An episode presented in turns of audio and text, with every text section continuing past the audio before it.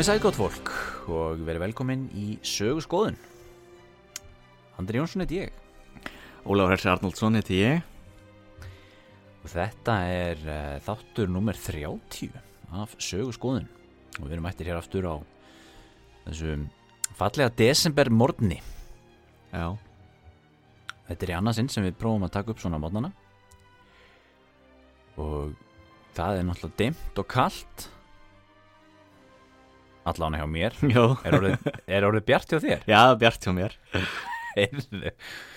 Í alvörinni Það veit fyndið leið og andur þetta og leit ég upp til þess að horfa út í gluggan Það, jú, það er bjart hérna hjá mér. Jesus maður, það er alveg bara pitch black það hjá mér sko. Veistu það, fyrir mér, hér- í, í Oslo bara ennþá svona, það er bara haustviður það er svona fimmstega hiti og smá rigningin á milli. Það er eiginlega ekki komið snjór. Þannig að það er svona, já, mér stáður freka, frekalegil sko. Ég er eiginlega hrifnar af hafa bara aðeins frost og snjó. Já, þeir voru þau voru sko hérna í veitum uh, hittaveitum hérna á höfbruksvæðinu voru að segja manni að búið sér undir sko eitthvað frostaveitur núna um helgina. Við ættum að hafa lokaða glugga og, og, Já. og, hérna, og svona. Já, vera ekki að fara sparlega með hittan já, er en ég nú, var nú illa sveikin með það. Mér fannst nú ekki að vera svo svo kalt sko, það er nú eiginlega bara mínus ein í dag, það er nú ekki mikið. Nú, það er nú ekki svo slemt nei, nei. Nei, en það er dimmt. Já, en það eru við tölvert norðar á heimskringlunni heldur en þú. Já, það er mikill munur þar á. Það munur býsna miklu. Já. En það er nú orðið jólalegt Já, jú, algjörlega. Bæði, já. Og hérna, En það er líka svolítið svona munur á Norrmönnum og Íslendingum allan að hér sko, hér í Oslo hér er fólk ekkert að skreita það ekkert svo mikið, allan ekki að sem ég býði hérna í Vestur Oslo og, og ef fólk er að skreita þá er fólk aðalega þá með já, svona hvítljós það er ekki öllum þessu marglitu sérum eins og maður sér mikið heima. Já, það er enda svolítið munur. Já, þessi hvítuljós eru mjög algeng. Já, það eru það. Mér finnst það svolítið svona döl ef ég er alveg hreinskilin já, þessi margleituljós eru, eru skemmtilegri sko. Já, það er það. Já, Góður amerísku síður einmitt amerísku síður einmitt. Herðu, já við erum um, hlaðarpi sögurskoðun þar sem við tölum um, um söguleg málefni og sakfræðileg málefni á, á léttunótunum um, ég var nú bara rétt svo búin að sleppa orðinu hérna í síðasta þætti þegar ég var að tala um það að það væri komin hérna uh, fullt af ykkur um nýjum íslenskum sakfræðihlaðvarpum um, þegar að það kom enn, enn eitt nýtt sakfræðihlaðvarpið í loftið bara strax daginn eftir. Það, það er hlaðvarp uh, sögufélags. Já, já, sem heitir Blanda. Blanda, já já, það er referens í, í, í hérna reyt sem sögufélag gaf út um, kringu 1950 eða eitthvað svo leiðis sem var svona Blanda Ímis fróðleikur, gamall og nýr eða eitthvað líka. Já, sem var, sem var held ég sko áður en þeir, áður en þeir fóru að gefa út sögufélag nei hérna sögu tímariti Já, já. Veistu ekki hvernig þið voru að gefa þetta út? Hvernig sögur Já, þetta var svona saga. Já, Það kom út fyrst 1949 já, já og hefur verið svona þú veist vett, svona ritring tímarit íslenskrar sagfræði í, í þessi 70 ár.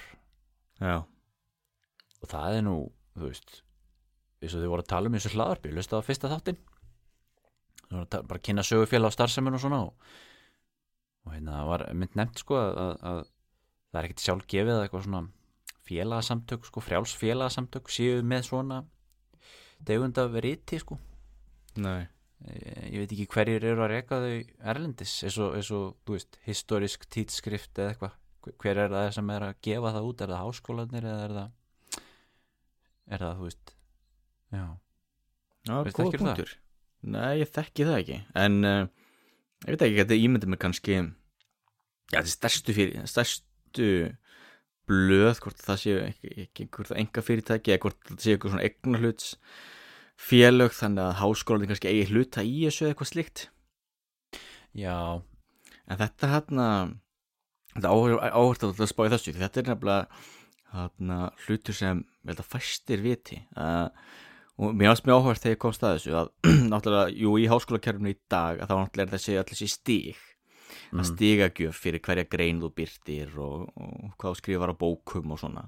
Að mikilvægt að það vera að skrifa sem flest eh, flestar rítgerðir og byrta í einmitt svona rítum já, og þá skiptir einmitt máli sko hvaða hana, rít eru í bóði og til já. dæmis þá hérna í Oslo og í háskólanum í Oslo þá hefur sko guðfræðideildin aðgang að þá getur maður kallað eigin rítum þannig að þeir sem prófessorinn þar eh, eiga mun léttara með að gefa út rítgerðir en aðrir fræðimenn. Já, Þannig að hlutvarslega er guðfræðadeildin svo deild sem framleiðir mest af fræðulegu efni við háskólinni í Oslo.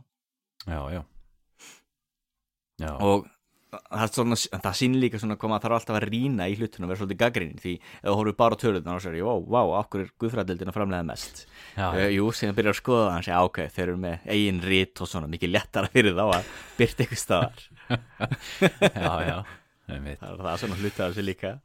já, já, það er það er það ég sé þannig reyndar hérna núna að historisk tittskrift allavega að norska, norski variantin af því er, er gefin út af HIFO historisk forening Já, sem er nú, hlýtur nú að vera sambarilegt sögufélagi, eða ekki?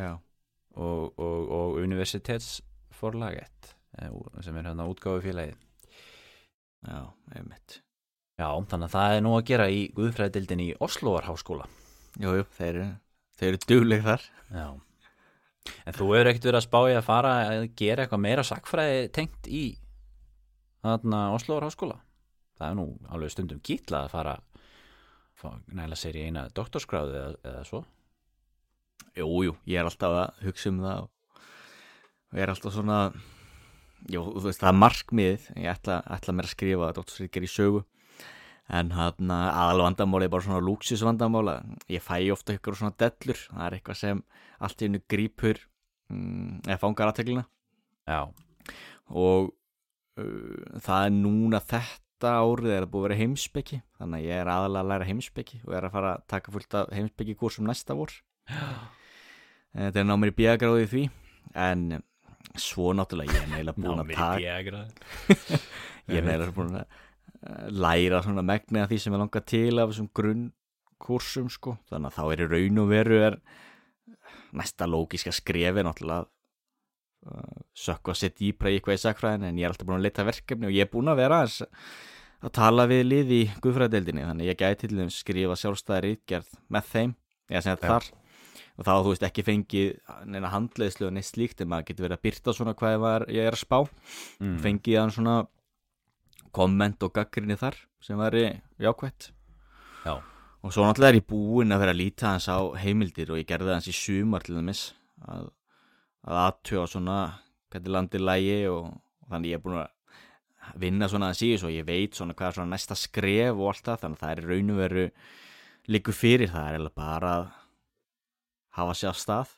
Já, en það er náttúrulega auðvitað ekki bara það að finna sér eitthvað að skrifum, það er náttúrulega líka þú veist, þetta er náttúrulega commitment og, og hérna og, og líka náttúrulega fjárhagslegt sko, af því að já, náttúrulega nú er það svoleiðis að að sko Noregur er það land sem að er með flesta svona PhD sko, en nú, nú slíka sér ekki að fullur um það, en það er allavega rosalega mikið af doktorsnemum í Noregi og það er meðlansvagnar þess að það er svo mikið, er svo gott hérna, stuðningskerfi.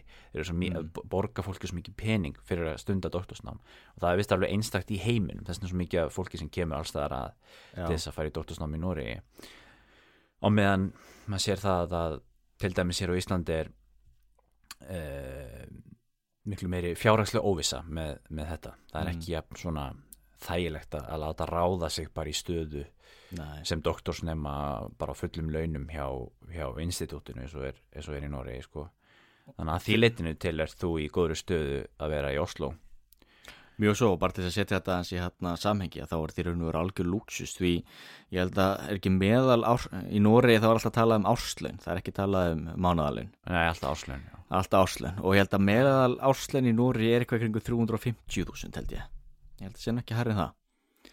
En, en sko svona nýjútskrifaður kannski lögfræðingur, verkfræðingur er kannski að fá svona 500.000 kannski 450-500.000 í áslun já, já, og doktors um, nematnir er að fá svona kannski 450 upp í 500.000 já það er ofta líkur þar, þannig að sé, maður sér þú veist að það er alveg tölvert yfir meðalaunum og að fá þú veist þetta þá í fjögur ár að Já, skrifa eitthvað verkefni sem þú brennur fyrir og finnst þú að spennandi það er Já. náttúrulega algjör luxus algjör luxu sko. Já, maður hefur heyrt það náttúrulega að, að, að mm, fólk er mikið að vandræðast með að reyna að redda sér styrkjum og, og svona hér, Já. sem er í doktorsnami hér á, á Íslandi og, og reyna að fá þetta til að ganga upp og svo náttúrulega þetta eru lang flestir doktorsnemur á Íslandi í vinnu með mm. námi og náttúrulega margir er að kenna líka Já.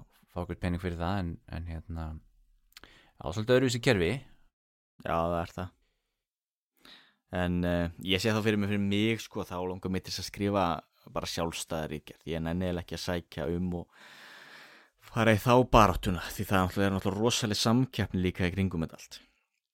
Til dæmis, ég marg, ég, hvort ég hef sagt þér áður það var alltaf einn núna í guðfræðinni sem byrjaði fyrir ári síðan held ég. Mm. hvort að hann var búin að sækja um áttasinnum já, já, það er náttúrulega samkeppni. Já. Og ég er náttúrulega líka í þannig starfi að það er náttúrulega, þú færðir raun og er ekki betra starf til þess að vera að brasi ykkur svona fræðimennsku samhliða þar sem það er nú hluti af sko mm, hvað kallaði víkslu heitinu er einmitt að lesa og stúdera. Já, Þannig- já, til dæmis núna í hérna þá COVID það sem hefur verið að aflýsa mikið þá þá hafði einmitt prófastunum sambandi okkur prestana og sagði við ættum endilega að nýta tækifærið og lesa guðfræði og stúdera aðeins í vinnutímanum þegar það er svona rólegt hefur búið að aflýsa öllum messum og svona. Já, já. Einmitt, þannig að það er ágætis blanda. Já nákvæmlega. Það er gott. Er það. en þá, þá, það er náttúrulega hægt að, að gera það þannig að maður skilar inn bara svona einn og einnir grein uh, sem er þá svo kapli í rittgerninni og, Já, það er líka einleið. og býr til doktorsrittgerðina sína þannig einhvern veginn. Jú, það er líka hægt. En uh, ég þá sé fyrir mér að skrifa þá. Ég veit ekki, ekki hvað er það? Langar, 200 blassir 300 já, skrifa eitthvað þannig, alveg, alveg kvikindi eða þessu ykkur nokkur ár. En þú myndir þá vera að spá í þessari miðalda. Já, það liggur eða svona beinast við. Já, annarkvort það eða sko, ég er náttúrulega búin að að lesa líka rosalega mikið um hérna uh, þjóðurnisósialisma og fasisma. Já, þannig að sko, það hefur alltaf líka verið ákveðið svona tema sem ég hef hérna, haft brennandi áhuga á. En ástæðan fyrir okkur, ég skrifaði ekki um það á sínum tíma var vegna að segja uh, kunni ekki mm, þýsku nógu vel og ég nefndi ekki að fara í hvað að segja, intensiv þýskunum líka til þess að geta verið að lesa frumheimildir en ég er nú svo sem verið að vinna í því alltaf inn á milli að lesa aðeins þýsku þannig að ég gæti nú alveg stöylað mig fram úr því. Já það er alltaf mjög áhugavert finnst mér líka að þú ertu komin út í svona svona hug, hugmyndasögu Já, þú veist 19. og 20. aldar sem, að- sem að þetta er hluti af já Og sem er hérna- einmitt mjög áhvert ég var að lesa núna eftir hérna franskan sakfræðing sem heitir Mm. mm. Jacques Lull eða hvernig sem maður á að bera það fram hann hann hann var allir að leit horfa á hann það er mitt setni heimstyrjöldinni og var að tala um hana bara svona mm, hann var að fara hrattir í sögu þannig að hann var ekkert eða miklu púðri í það. En hann nefndi þetta til dæmis sem sko uh, svona afhelguð trúabræðastrýð 20. aldar. Já, Það er spurning, þú veist, eftir uh, 500 ár, hvort það verður mér að horfa tilbaka því þú veist, það er í raun og veru trúabræðastri Já. kommunismi, fasismi þú veist, þetta er svo allt. Já. Þetta er svo, þetta er náttúrulega er all svona totalitarian hugmyndafræðin sem snýst á öllu lífiðinu já, allserjar hugmyndir. Manst ekki þegar ég var að lesa þarna uh, Sapiens Já, eftir Yuval Harari já, uh, þar er einmitt þessi þessi kenning eða sögurskoðun þessi, þessi, þessi, þessi þe þetta þessi vingill á þessar hugmyndafræði stefnur uh, 19. og 20. aldar að einmitt þetta hefur verið hálfgerð trúabræða bara nákvæmlega þessi sem þú varst að segja sko. þetta voru þrjár greinar innan humanismans eða Já. það er að segja sko trúinni á mannin sem einstakling og í rauninni sé þetta allt saman veist, hug, hugmyndafræði sem að, sem að snýst í kringum mannin en ekki Guð sko, eða náttúruna já, já, eins og það hefði verið áður já, en, en þegar komið fram á nýjöld sko, þá, þá er maðurinn í centrum Mm. og síðan er það bara, þú veist ok, ætlum við að líta á mannin sem einstakling. Með einstaklingsþarfir og, frelsi og réttindi sem einstaklingur, mannréttindi. Það er þá, þú veist, vesturveldin og líðræðið og frjálslindið Mm. eða ætlum við að líta á hann sem félagsveru og sem stjettarveru þá var það marxismin og félagshyggja já, eða ætlum við að líta á þetta sem, hvað var þriðja, það var, ekki svona darvinísk svona já, kynþáttin kynþátta, já, heimitt og hérna og, og hérna, og svona sterkasti lifir af og, og, og þetta sko. Mm. það er bara stór merkileg hugmynd sko, af því að, þú veist jú, hvað er manneskjan, er hann einstaklingur eins og, eins og nefndir hérna, frjálslindu öflin í vestri bandaríkin og Bretland og líðræði og allt slíkt?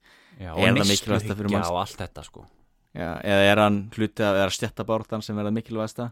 Já, eða er það kynþátturinn þá eða þjóðernið já, þetta er náttúrulega það sem að menn börðust þó um á 20 stöld já. Við rættum þetta í, í hérna, þaula hérna, einhvern tíman einhvern þætti Jú. hér. Að því síðan hef ég líka hérna, ég verið að lesa mm, Alexander Dugin. Mm. Alexander Dugin er já, lít þekktur held ég svona í, í vestrinu en er einstaklega áhugaverður því hann er mjög áhrifamikill í Rúslandi og Putin til dæmis hefur lesið hann og til dæmis líka í mm, herskólum í Rúslandi er Alexander Dugin eh, skildulesning já, og hann er sko talar fyrir fjórðu pólitísku hugmyndafræðinni. Já, þar sem að hann, að því hann er náttúrulega þá á móti þessum þremur öðrum og er að reyna Já. að byggja sína fjórðu en sækir innblástur frá þá til dæmis fasisma eða kommunisma uh, og eitthvað frá vesturinu líka eftir því sem passar. Já, en þá þegar þú ert uh, þá vil hann byggja sko hvað við segja, sína hugmyndafræði ekki á einstaklingi þjóðverðni eða stjætt heldur á þessu hugtaki Heideggers sem er þetta Dasein Gallinn samt við þessa hugmyndi ég hef nú lesið þessi bók hans The Fourth Political Theory. Já, hún byrjar áhugaverði ymsuleiti einmitt ef hún að tala um þessa hérna, greiningu.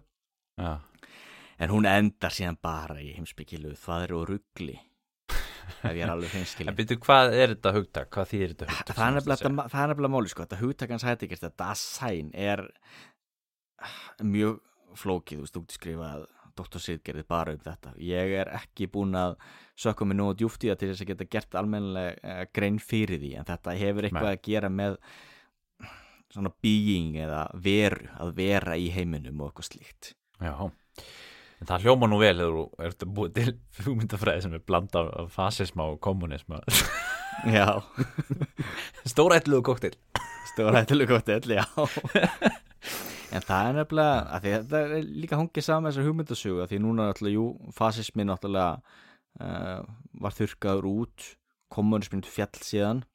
Mm. og þá er náttúrulega, þú veist, að stærst stendur eftir er þá þetta frjálslinda líðræðis vestur. Mm. og náttúrulega sjuminni svo þegar tölum við um hann hann Fukuyama Mm held ég þá fram að þetta væri þá svona endin og Hegel talaði líka um það nú þetta væri svo veist endapunkturinn. En síðan er nefnilega töluvert að svona svona jaðara rattir sem náttúrulega vilja ekki alveg samþykja þetta sko. Eins og sérði í Rúslandi í dag með dúkin sér Já. også Kína í dag með sína allræðishyggju klerkastjórnin í Íran.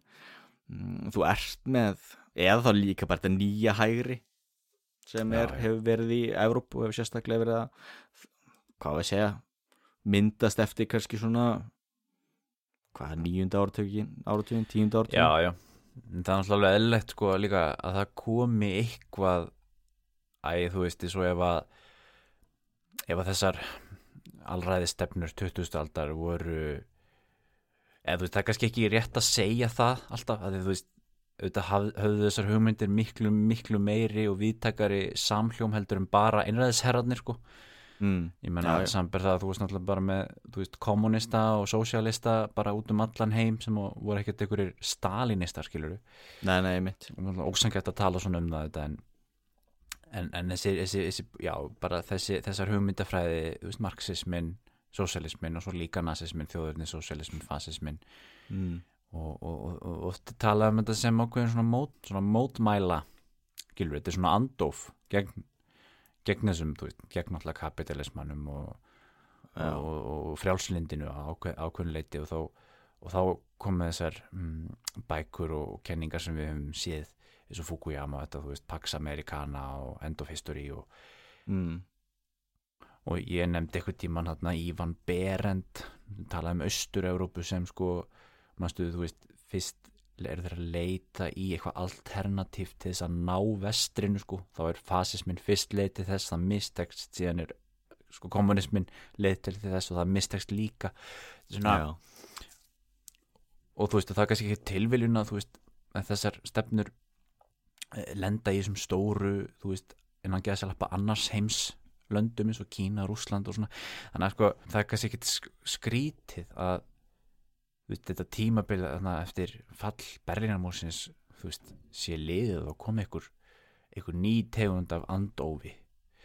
Og, og hver, hvernig sem hún er og hvernig sem hún verður kannski er það eitthvað sem við erum að sjá manifesterast svolítið þarna einmitt í Pútín og einhverju, einhverju svoleiðis nýja hægri og, og, og það var svolítið verið að tala um það að væri þú veist, já þessi hægri populistar sem eru á móti Evrópusambandun og svona. Mm. menn, menn hafa séð ákveðin tengslega líkindi á milli þess um, um, þe- þeirra hreyfingar og síðan Pútín í Rúslandi og ákveðin svona venstl Mm. og svo líka með Trump og, og hérna Russia Probe og veist, þetta svona tengist einhvern veginn sko.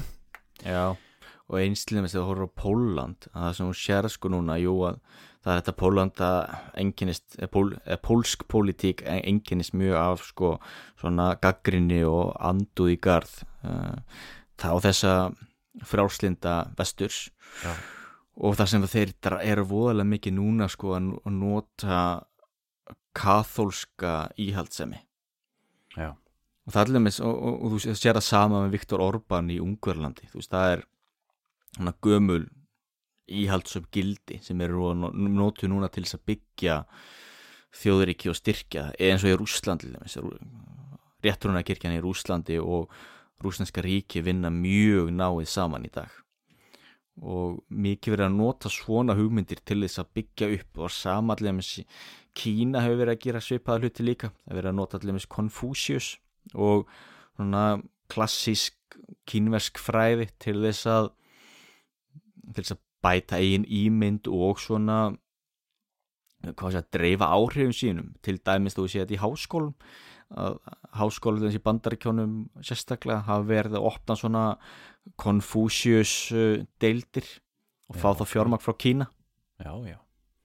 Eða allir með þú hinn íslamski heimur hefur líka verið að gera þetta. Sátatnir til dæmis að verið að steyðja íslamskar deildir við háskóla í bandaríkjónum Já, og þetta er náttúrulega líka alltaf spurning sko að og það er náttúrulega vandamál. Þú ert, ert alltaf að reyna að búa til eitthvað sem er ekki sko hvað ekki að segja náttúrulegt í þeirri meiningu að það einhvern veginn komi af sjálfu sér. Þú veist eins og veist Mm. þetta rússlandska ríki með landamæri sín og menningu og tungumál og allt hannig það er ekkert eitthvað sjálfsagt sem heldur því saman frá Múrmansk í vestri til Latvastokki í austri. Þú þarf að búa til eitthvað til þess að halda þessu saman. Ég er samt ekki lengur búið að búa það til búið til Jú, algjörlega, en þú er samt, samt sem heldur líka að viðhalda því. Jú, jú. Þú veist, eins og búið sér í Breitlandi í dag uh, Mm. það er mýmislegt sem bendir til þess að stóra Breitland sé hægt og rólega að liðast í sundur. Þú veist, við erum nú þegar búin að missa Írland mikla deilur nú kring Norður Írland skotarnir eru alveg harðir á því að þeir ætla að lýsa yfir sjálfstæði eða allan að kjósa aftur um það. Já, Boris Johnson segir nú nei, það mun ekki gerast en uh, ef Skotland lýsir yfir sjálfstæði þá er eftir Norður Írland, England og Wales. Spurning Wales er nú með ákveðna sjálfstjórn en það hafa ekki verið ja, sterk sjálfstæðisbarata og í Skotlandi, veist, af hverju Skotland er berjast núna fyrir sjálfstæði, það lítur að vera vegna þess að þessi saminningatáknir eru nú veik já, já. Og, og þú sér líka Spáni með Katalanna og, og Spánverja. Það er ímislegt í deglunni. Það er ýmislegt. Og þess vegna er svo áhverð þessi hugmyndasaga vegna þú þarft einhvern veginn þú þarft að búa til eitthvað til þess að halda fólki saman. Já, ég líka þú veist, það er mm, þú veist, við, við þurfum alltaf að þekkja söguna til þess að, að, að sko, veist, skilja það sem er að gerast í heiminum dag. Og það er svo gaman að skoða heimin í dag og, og reyna að sjá hann í ykkur svona sögulegu ljósi mm. og einmitt bara þetta, þessi hluti sem þú ert að nefna þú veist, þetta er þetta allt sér eitthvað svona sögulegan bakgrunn og, og hérna og ég, ég var gaman að þessu svona þú veist að ég var alveg til í að geta spóla fram til ásins 2100 og, og, og horta aftur til þessa tíma og, sjá í sögulegu ljósi hvað er að gerast í dag Mm. það er bara svolítið erfitt fyrir okkur í dag að gera það ég var nú reyndar alveg minnst það lótlega að fyndið að ég var að stríða sinni mínum með það sko hann er nýja ára sko. Ja. ég var að segja við hann sko að hérna ef hann verður 100 ára sko þá var hann alveg eftir að verða að lifa ja, minni það hann á eftir að lifa sko inn á 20. aðra öld. Já, sér. Veitu já, hvað já. hvað það er bilað? Það er alveg vilar að þú veist, þessi krakkar sem eru upp í dag litlu, að þau munu öll ekkert öll, mörg líklega lifa eftir árið 2100 já, já. Við munum nú ekki ná því. Nei, öll líkindum náum við því ekki. Það spurning hvaða byltingar er þessi stað í læknavísindum og tækni já, hvort það verður þetta bara að setja okkur í krukku eins og í Futurama eða eitthvað svona. Já, já það höldum áfram að verðum, getum orðið einhvern veginn svona cyborgs Það er þetta að fyndi hugsa til þess að það er, er raun og veru til svona eh, cyborg, það er svona blanda af vél og mannesku mm. Þeir sem eru með svona pacemaker, kallast það ekki vélráður? Nei, hvað kallast það? pacemaker, Já, fyrir hjarta, hjarta eitthvað, nei það ekki það ekki Það er öll með óreglunum hjarslátt og svona þá færi svona pacemaker til þess að mm, stýra því já, eða allir sem þú skiptir um eh, já, mjadma kúli eða eitthvað þannig. Þá ætlar þetta að fá í raun og veru í því sko, eitthvað tækni, eitthvað hálfgerðar vélar eitthvað slíkt. Þannig að það er svona vísir að því. Maður spurning hvort það er svona fyrsta stigið í því síðan mm. að integrera meira. Já algjörlega. Uh, tölfur og já, ég meina svona vélar inn í fólk. Hefur nú verið að tala um þetta að setja chip í hausinu öllum eitthvað örf, örflugu Já, þetta er þessi þetta, þetta, þetta, er þetta með að sko læknisfræðin er teknilega lausnir við teknilegum vandamálum og, og einn daginn munum við í rauninni bara útrýma hérna, döðleika mm. þú veist ef að það er þú veist, læknisfræðin er bara búin að bætast og bætast og bætast. Og sér það núna við að búið til bóluefni á okkur um sex mánuðum gegn COVID sko. Já, það sem hefur aldrei verið hægt áður á svo skömmum tíma og Nei, Neyðin kennir naktri konu að spinna gerir það. Og hérna og það, það er læknisverðin ekkert að vera að stoppa neitt. Þú veist, hún er bara heldur áfram að bæta sig. Þannig til á endanum ertu komið með bara eitthvað líkama sem er gallalaus. Mm. það, og þar með talið, ó, ódreipandi en þetta er náttúrulega svolítið heimsbyggilegt líka.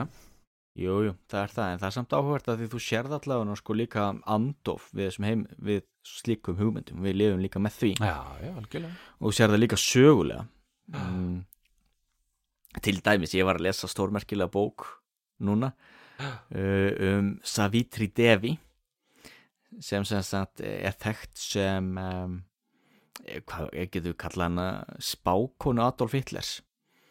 Hún, eða postuli Hitlers því hún trúði á Adolf Hitler sem, sem sagt, avatar af Vishnu og sem guðlega veru. Og skrifaði mikið uh, um Adolf Hitler og þjóðarnins og nazisma mm. og var alveg harður þjóðarninsósælisti allt sitt líf og var mjög áhrifamikil í nínasista hópum eftir stríð Mm. en hún til dæmis það sem kerði áfram hennar þjóðurninsykju var sko andúð á einmitt öllu svona nútíma tækni og uh, á manneskum líka hún uh, var sérstaklega upptekin á náttúrunni og dýravelferð og náttúruverndun og þetta er þessi sem kom til Íslands og já, var til með köllugósið og þetta. Já, já, einmitt, já.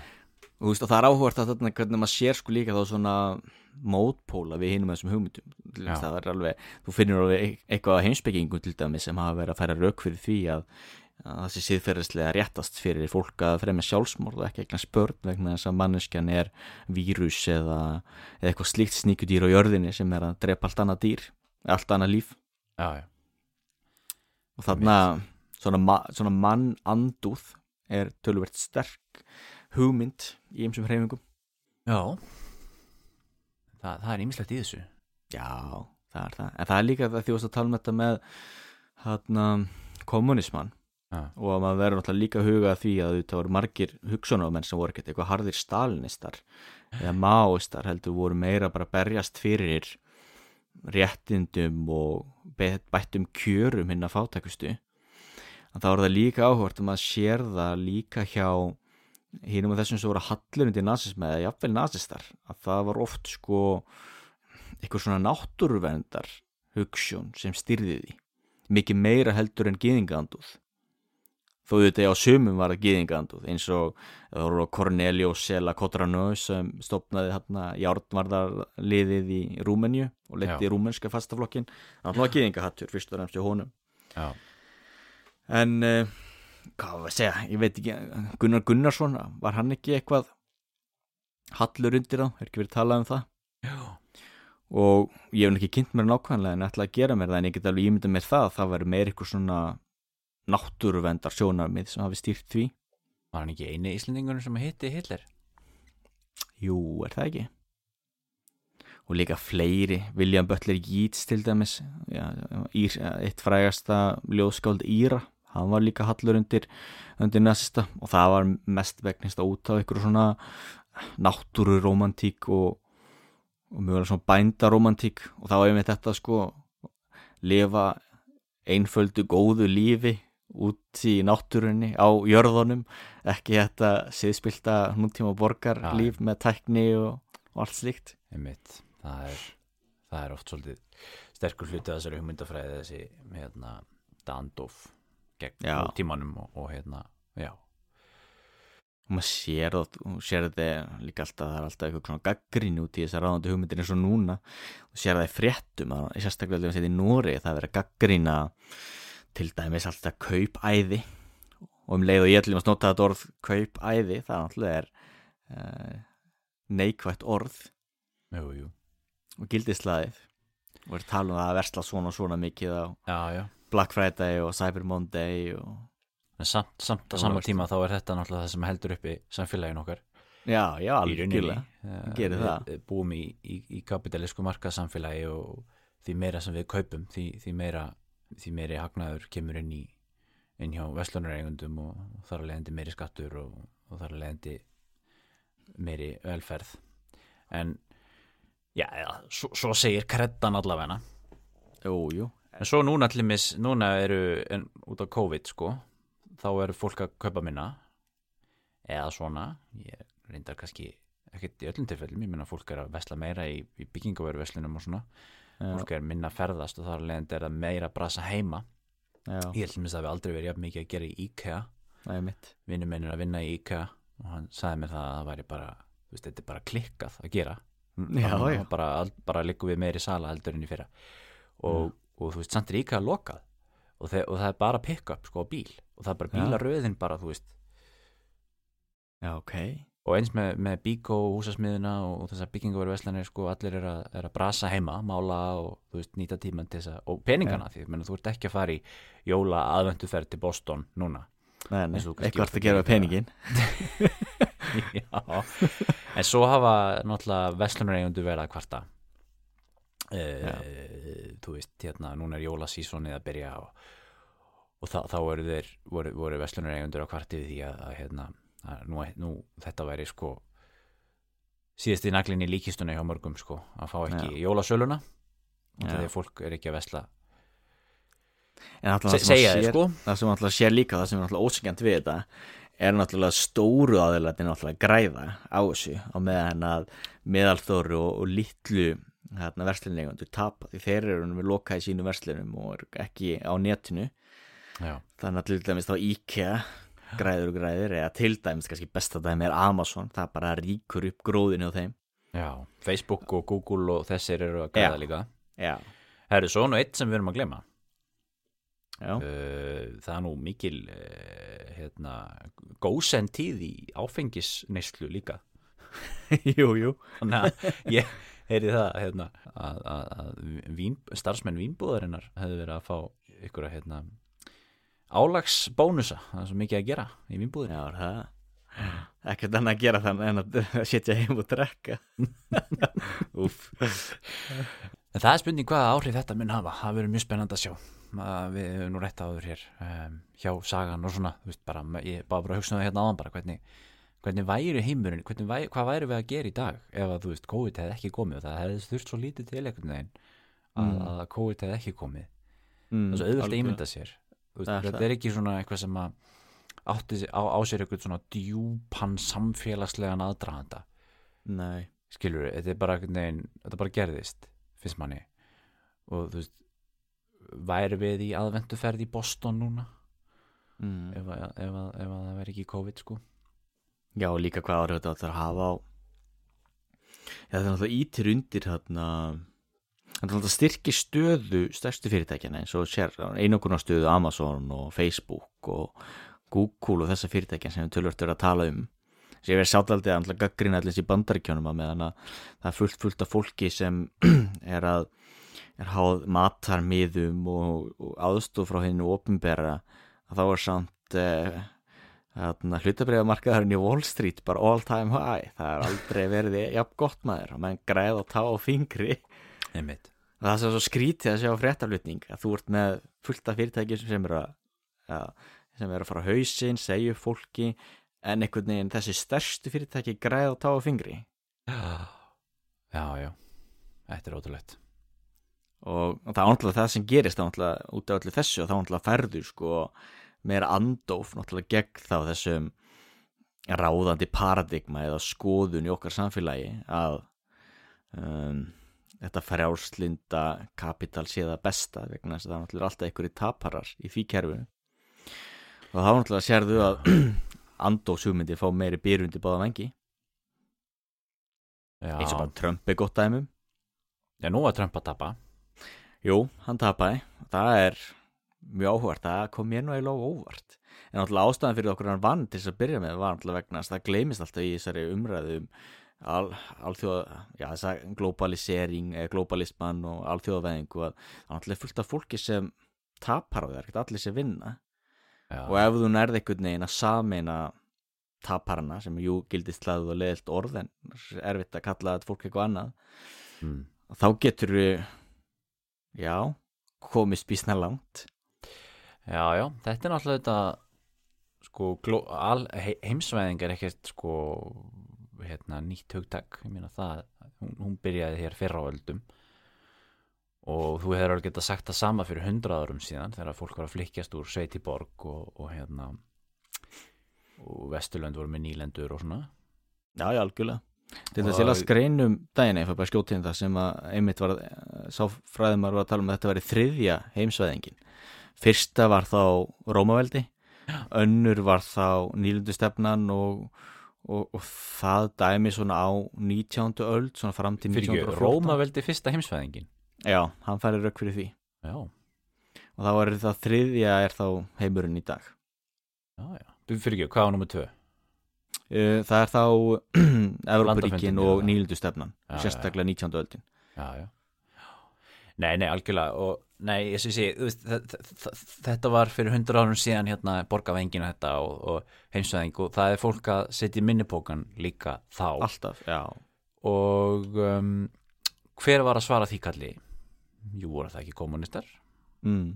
Voru það ekki, voru það ekki voru það ekki þeir sem voru að ljá þessu fólki rödd sína, það er fólk sem hafði orðið undir í þessu, það eru þá öreigarnir fólki sem að var uh, rifið úr sveitinni inn í borgina það sem það bjó í einhverjum, þú veist, ókvæslum red brick húsum Já, já, og, og var að vinna ómanneskjulega vinnu í versmiðum það sem að það koma klukkan átta hérna opnuðu hliðin og verkamenninni streymd inn í versmiðunar og, þar voru þið bara á, á færibandinu svo Chaplin hérna í myndinni hérna Modern Times eða hvað hún hétt þessi fyrring uh, vinnunar mm að bara hérna vinna á fullu hraðar, hraðar, hraðar búið til uh, niðursuðudósir eða, eða sprengjuhylki eða eitthvað á færibandi.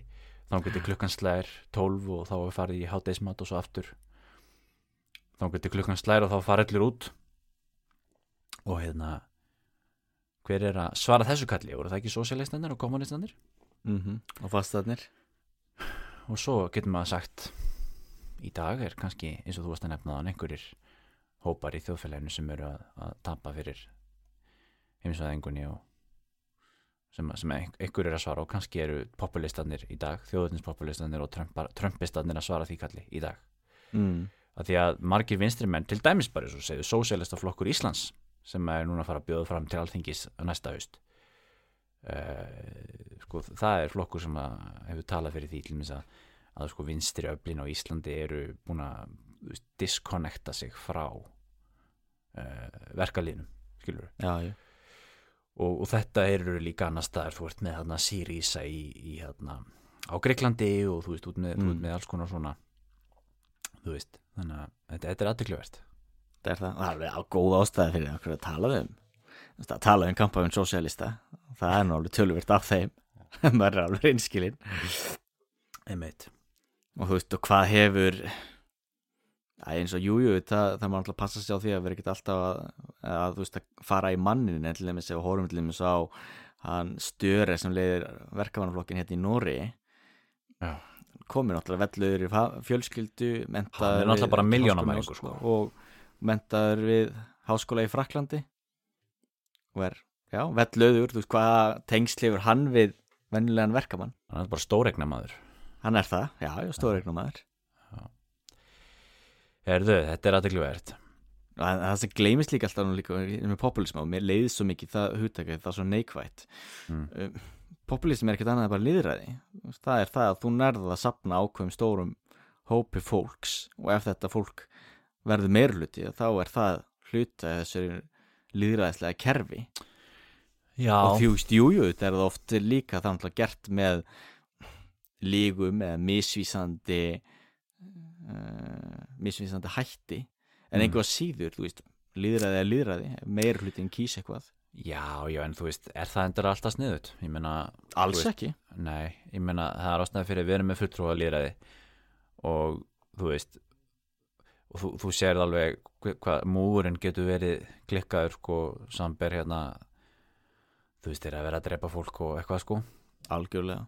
Og svo náttúrulega alveg misgáulegar ákvarðanir sem hafa verið teknar í ykkur svona múgæsingi það er það algjörlega. En síðan líka hinn pótlinn þá að þú ert þá með eitthvað litla elítu. Og það er ekki alltaf hætt á því að elítan fyrrist og missi tengsl við grasrótina og, og endi með eitthvað svona pólitíska valdastjett sem Já. er fyrst og ennst hugsa um eiginhagsminn eins og ég vil nú segja að líðræði í Bretlandi hefur neður alltaf verið. Þú ert alltaf með eitthvað stuppugustan stráka sem kom úr ítón og þessum hérna elítu skólum og svo er það einhvern veginn að er það alltaf halda á loft ykkur í líðræði sem er hann voðalega mikið bara í orði en ekki á borði.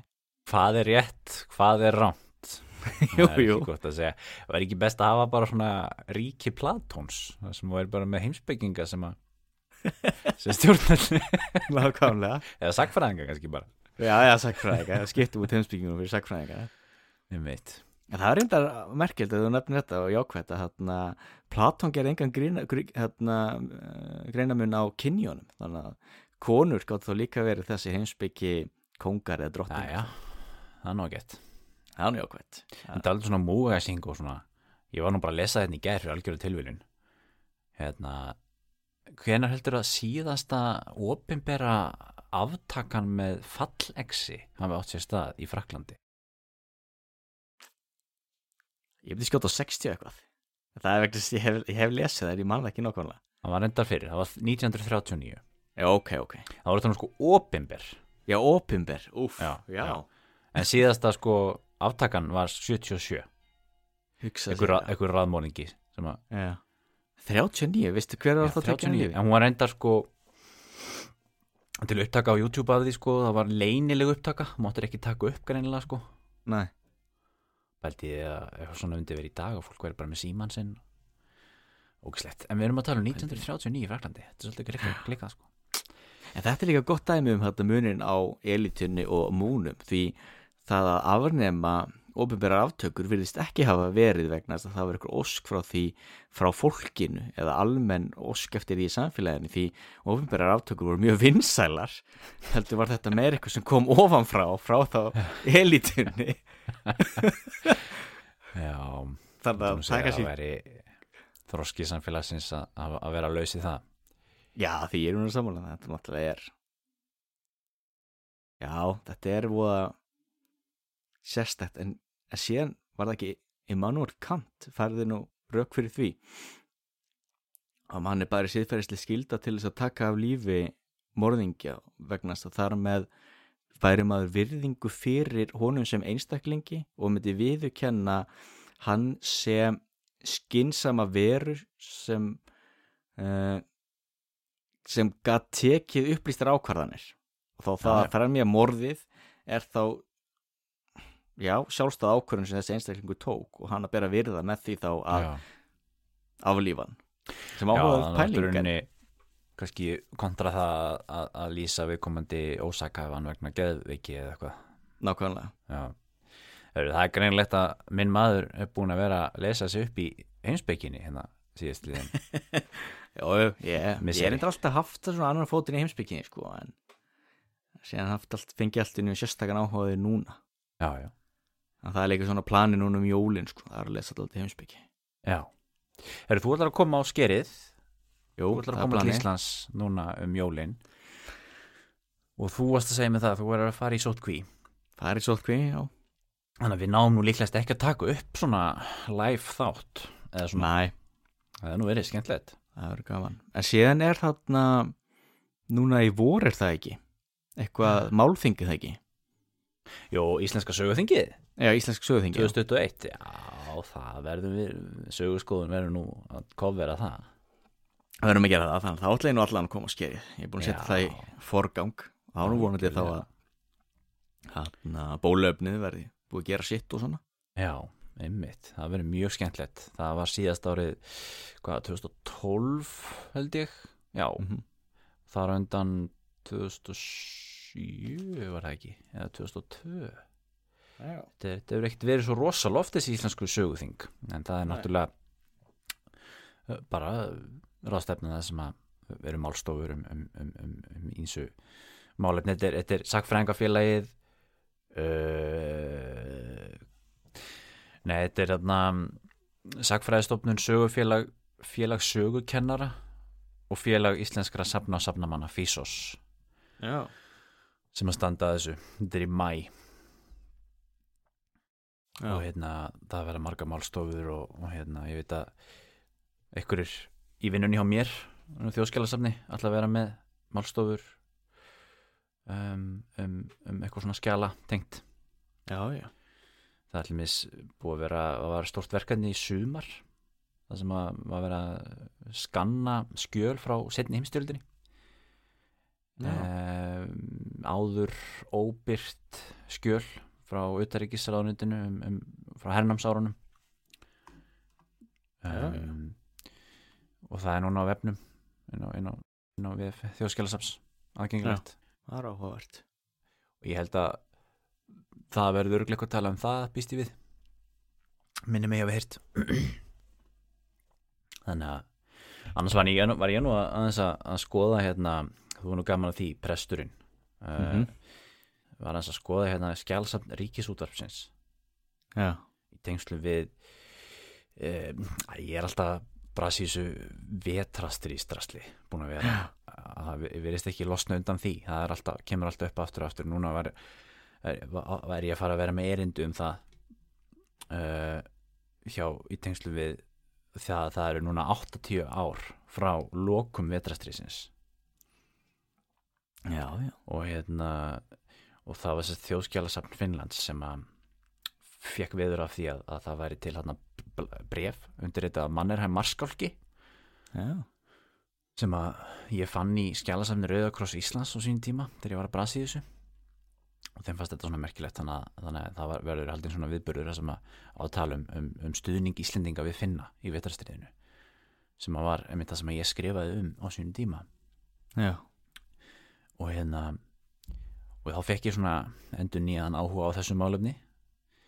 Um, og náttúrulega finna Íslendingar voru, það var mikill áhug eða sérst, mikill stuðningu sem að, sem að sérst, finnar fengu í vetastirinu og mikill andúð gegn Sovjetríkjónum uh, út af innrásin í Finnland 1939 og hérna uh, vakti s- hörðið bröð og það var hérna að safna miklum pening og, og, og, og alls konar hvað ætlaði ég nú að segja? Já, ég fór að skoða hérna hér rúf, ríkisútvarpið af því þar eru sko til um, alla fréttinnar sem voru lesnar í útvarpið og, og væntalega sjónvarpið líka handriti af þessu.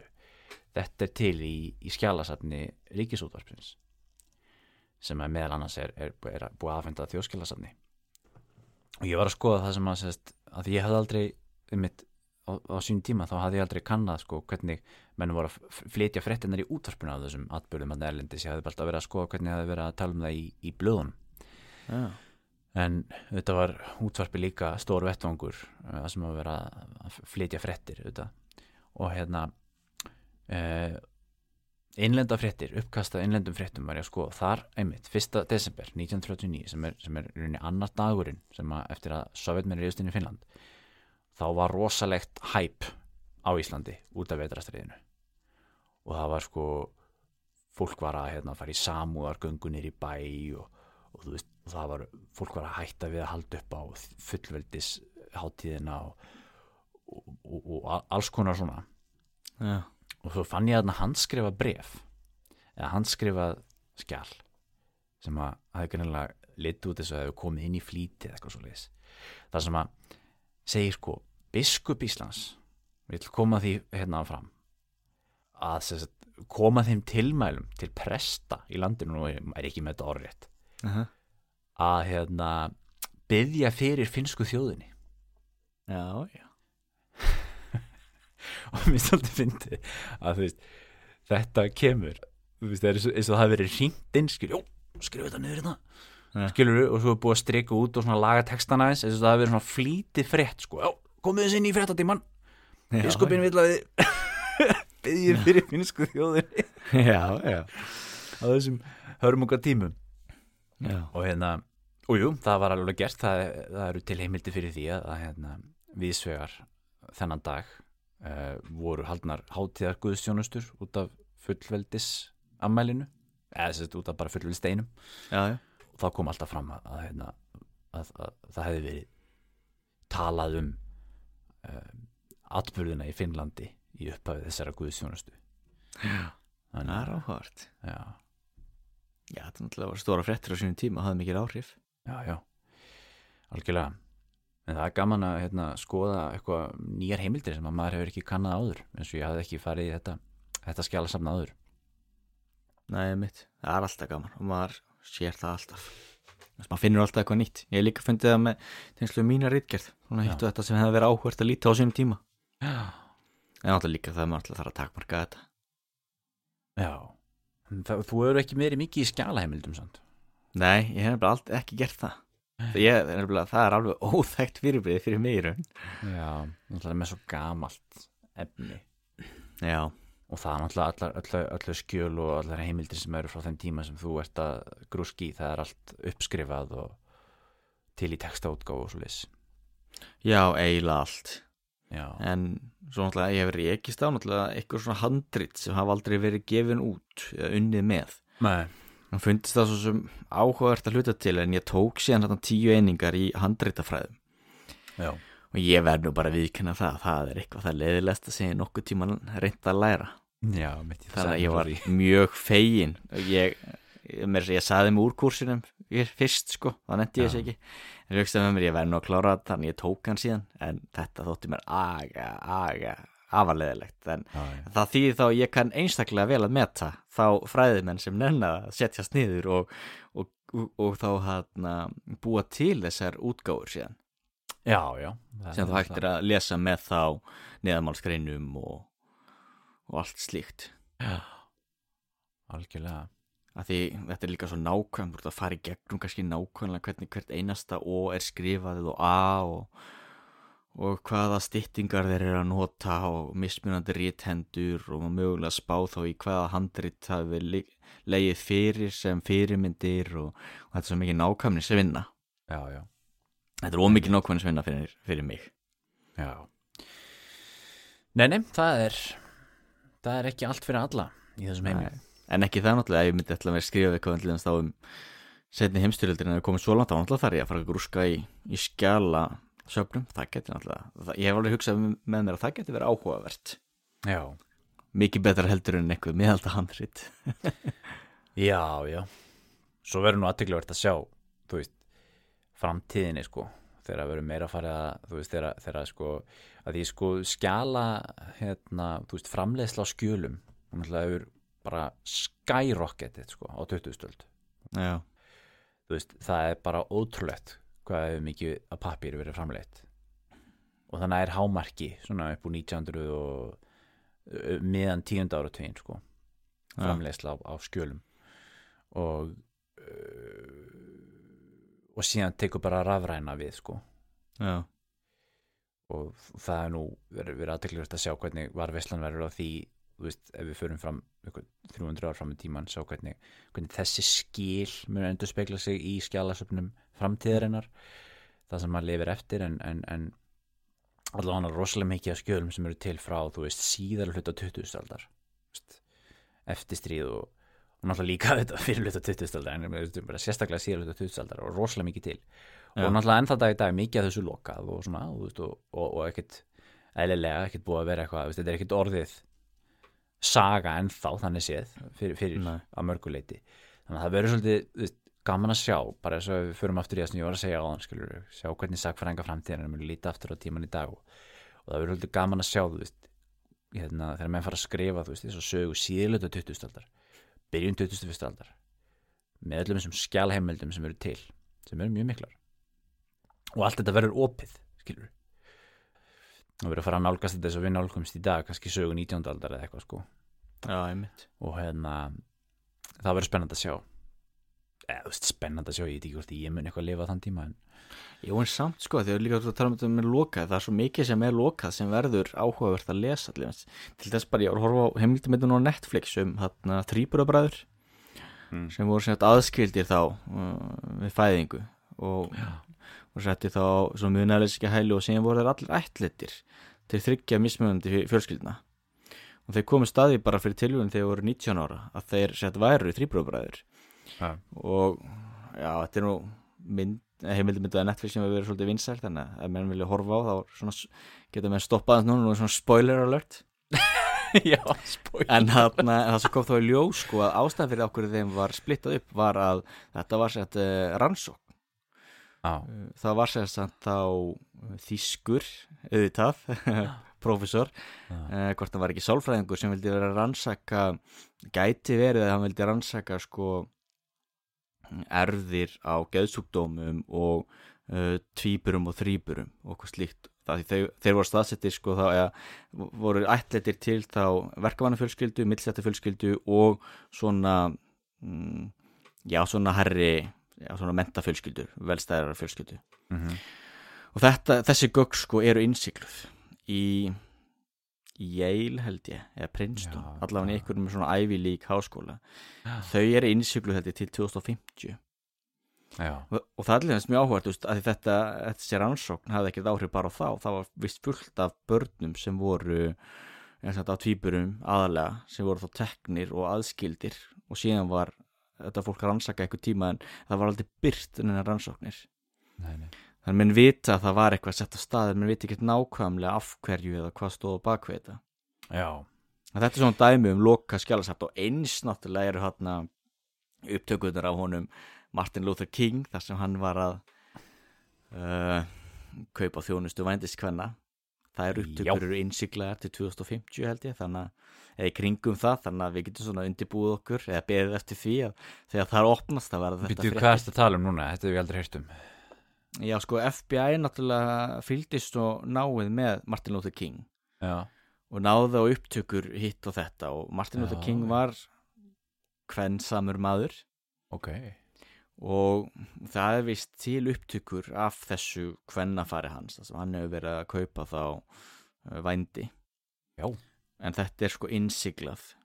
Og, og, og þetta hefur verið svona lengi í umræðan og byrstum sko Martin Luther King er mjög áhugaverður fyrir þær sakir að hann er þessi dýrlingur sem alltaf þannig með alla ef þú byrjar að skoða lífið þeirra þannig að byrtist þitt og þetta. Til dæmis ef þú skoða dóttasirkernans mm. þá fylgir henni miði sem segir að það er mikill rítstuldur í henni.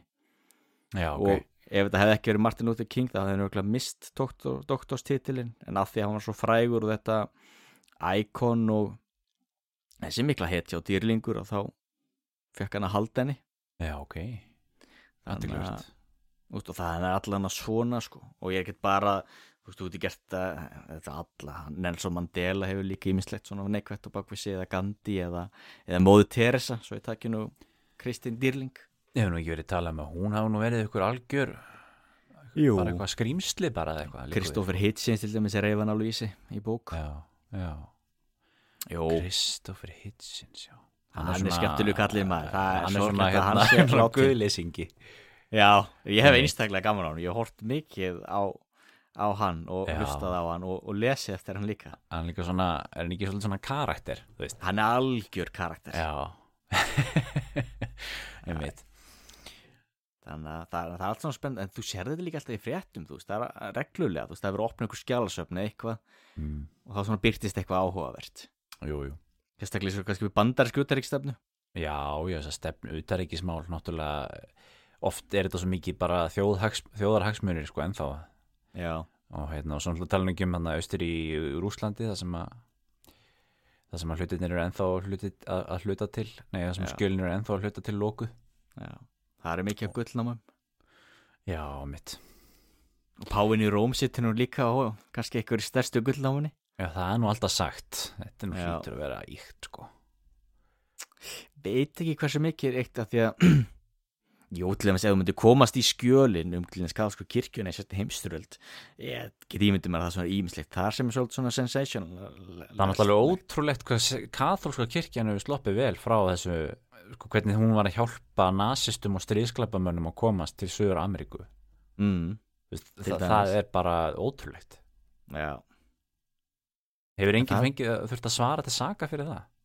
Nei, en það sem að ég sé líka betur eftir ég var að lesa þetta og ég sá það líka í þessari bókum hann að Savitri Devi Já, að það bara var alveg mikil stuðningur að hjálpa þessum fyrrum nazistum að komast. Til dæmis þýskur almenningur vildi gera sér náttúrulega minnst úr þessum glæpum nazista og já, til dæmis þegar verið að aflífa þess að síðustu kalla já.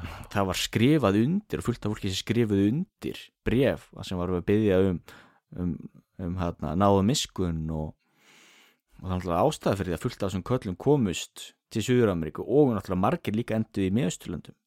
Fullt af SS-fóringjum að vinna fyrir Nasser í Egyptalandi og, og hér og þar sko. Svo, þessa heri. svo eru náttúrulega líka bara rosa mikið af af uh, fyrrum stríðsklapamönnum sem bara lifðu góðu lífi bara í, þú veist, Vestu Þísklandi eða Östu Þísklandi og já, já, bara voru bara bókaldarar í ykkur skrifstofu sko. Já. Eða Werner von Brau sem var nú yfir hérna eldfluga verkefni band, hérna, Þískalands hann var nú mikill stórkalli í NASA síðan. Já, nú reyndar alveg sérstætt tilfelli svo sem en Jó, en þeir tóku nú marga af hérna sem leininu þjónustumönnum, gestabómönnum og hinn og þessu inn í leini þjónustur En þú ert að sjá alveg ennþá svona bara, eða þú veit, kannski ekki ennþá en allan er nú 21. öld bara eitthvað einhver fyrirverandi vörður í einhverjum eh, dauðabúðum. Er, er hérna 90 ára gamall og er handekinn sko.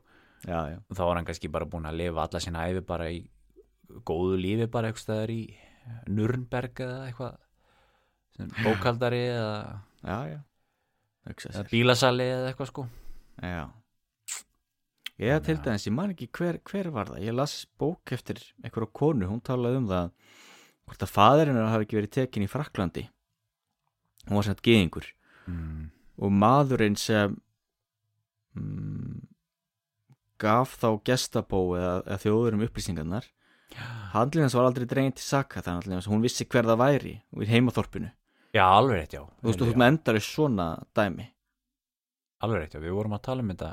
Já, það ekki? Jú, þetta var þessi bandaríski sakfræðingur sem ég var að vísa til sem, að, sem, að, sem að hefði verið búið í Fraklandi mitt og sagt þessa sögu. Þetta var þetta var hérna, þegar vorum að tala um uh, landráð og, og þetta sko. Já, þar já. Held ég, já, Alveg rétt. Já. Þetta er merkilegt. Við ætlum, ég ætlaði að segja þér frá hérna bókinu sem ég var að lesa. Ok. sem, að, sem að var um, um tímabilaskiptingu og, Jú, og við ætlum nú eiginlega að tala um tímabilaskiptingu. Við ætlum að tala um Fortnite. Þannig við vorum svo duglegir að tala um í síðasta þetta og hérna Alexander Mikla og, og hérna, en, en okkur var nú ekki kápan úr því klæðinu Nei. En þá tökum við það kannski bara í næsta þetti Já. Eða, eða síðan Því ég var líka búin að undirbúa það Það var spá í Fortnite og ég meir, var að lesa líka hérna bókum Filipus Annan. Já, einmitt, og svona, jú, og síðan að velta náttúrulega fyrir þessu svona hugtakanótkun já. En- við, við kannski komum aftur hérna ef við ekki að reyna að tak, ná einu þætti fyrir jól Jú, það væri gaman. Tökum eitt þátt fyrir jól og, og hérna fyrir sér gott jólafrí. Já, ég held að, já, þetta er 30. þátturinn okkar. Þannig að það er um, þannig að það er ágætis milestone. Það er það. Einmitt, ef við ekki bara segja þetta gott? Erum við ekki konir bara á góðan tíma og komin á þessu Jó. byldi Þetta er alveg mjög gott. Nákvæmlega. Herði, þá segjum við það gott í bili, góður hlustundur um, Við sjáumst þér í næsta þætti af sögurskoðun og ætlum við að tala um eitthvað aðeins meira struktúrera heldur en, heldur en svona fróðusnakka eins og í dag. Já, Þá þökkum við fyrir okkur í dag og verið sæl. Verið sæl